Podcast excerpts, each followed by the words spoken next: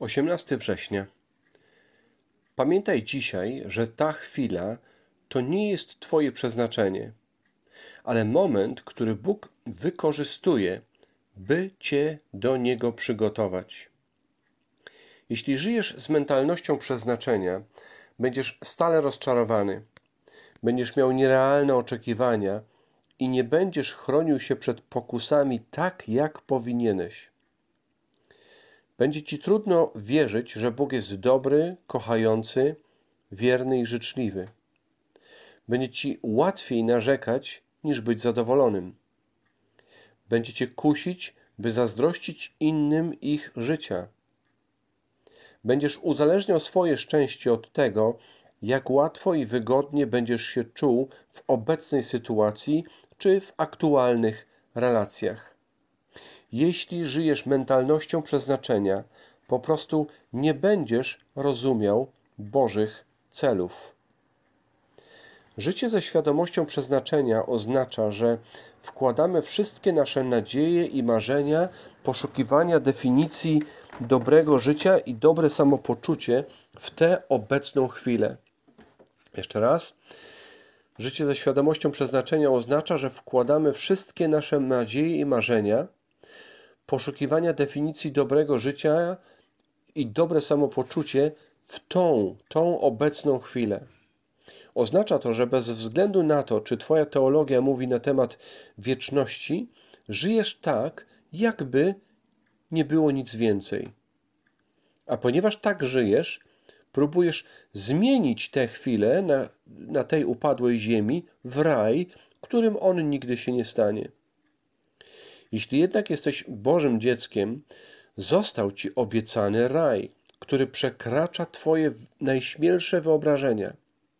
I musisz tylko zrozumieć, że jeszcze w nim nie jesteś. Ten zepsuty przez grzech świat, zamieszkany przez skalanych grzechem ludzi, nigdy nie stanie się miejscem, jakim pragnęlibyśmy go widzieć. Zdrowa biblijna doktryna, inaczej nauka na temat przyszłości to jedyny sposób, by w zdrowy, biblijny sposób postrzegać teraźniejszość. Jeśli istnieje jakiś ostateczny, wspaniały cel dla wszystkich Bożych dzieci, to obecny czas na pewno nim nie jest, lecz jest miejscem przygotowania. We wszystkim, przez co przechodzimy, jest jakieś znaczenie i cel. Bóg w realny sposób wykorzystuje wszystkie trudności naszego życia w tym świecie, by nas zmienić, doprowadzić do dojrzałości i przygotować na życie w nadchodzącym świecie. Jest jednak coś jeszcze, co musimy zrozumieć. Nie chodzi tylko o to, że teraźniejszość to okres przygotowawczy.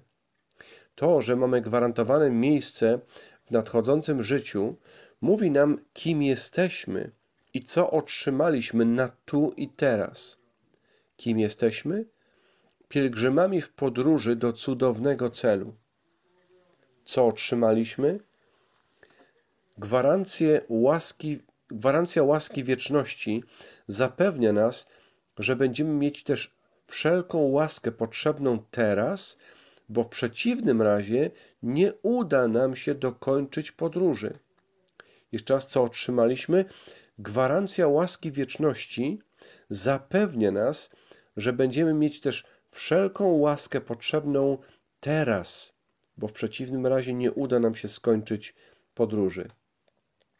Nie staraj się więc zamieniać dzisiejszego dnia w raj, ale dziękuj Bogu, że przygotowuje Cię swoją łaską do miejsca, które stanie się Twoim wiecznym domem. Do dalszego rozważania 2 Koryntian, 5 rozdział od początku. Wiemy przecież, że gdy już runie doczesny dom naszego ciała, mamy u Boga nowy, nie zbudowany przez ludzi, ale wieczny w niebie. Doskwiera nam to obecne ciało, dlatego tęsknimy za tym z nieba, by je na siebie przywdziać. Bo nie pozostaniemy bez ciała, jakby nadzy, ale będziemy obleczeni w nowe ciało. I choć trudno nam żyć w tych ciałach, nie chcemy ich utracić, ale od razu założyć nowe, aby to, co śmiertelne, zostało wchłonięte przez nieśmiertelność. Sam Bóg nas na to przygotował, a jako gwarancję dał Ducha Świętego. Dlatego ufnie czekamy przez cały czas. Wiemy, że póki żyjemy w naszych ciałach, nie jesteśmy jeszcze z Panem w prawdziwym domu. Kroczymy bowiem przez życie dzięki wierze, nie dzięki naszym oczom. Kroczymy przez życie dzięki wierze, a nie dzięki naszym oczom, temu co widzimy.